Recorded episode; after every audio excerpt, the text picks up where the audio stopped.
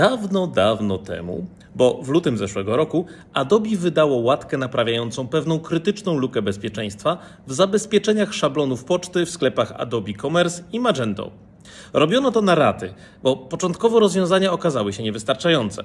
W pewnym momencie więc Adobe po prostu wyłączyło nową funkcjonalność i zastąpiło ją starym kodem, który jednak nie miał tylu funkcjonalności co nowy. Początkowo myślano, że będzie to rozwiązaniem tymczasowym, ale jak wszystkie prowizorki w informatyce i budownictwie, działa ono do dzisiaj. Firmy używające Adobe Commerce i Magento przestały być cierpliwe i od jakiegoś czasu aktywnie wyłączają lub obchodzą te ograniczenia świadomie, narażając się na atak. Tak to jest, gdy dasz swoim użytkownikom coś naprawdę przydatnego, a potem im to zabierzesz.